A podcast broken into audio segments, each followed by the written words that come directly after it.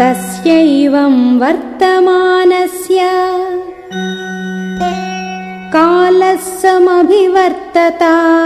अग्निं शुश्रूषमाणस्य।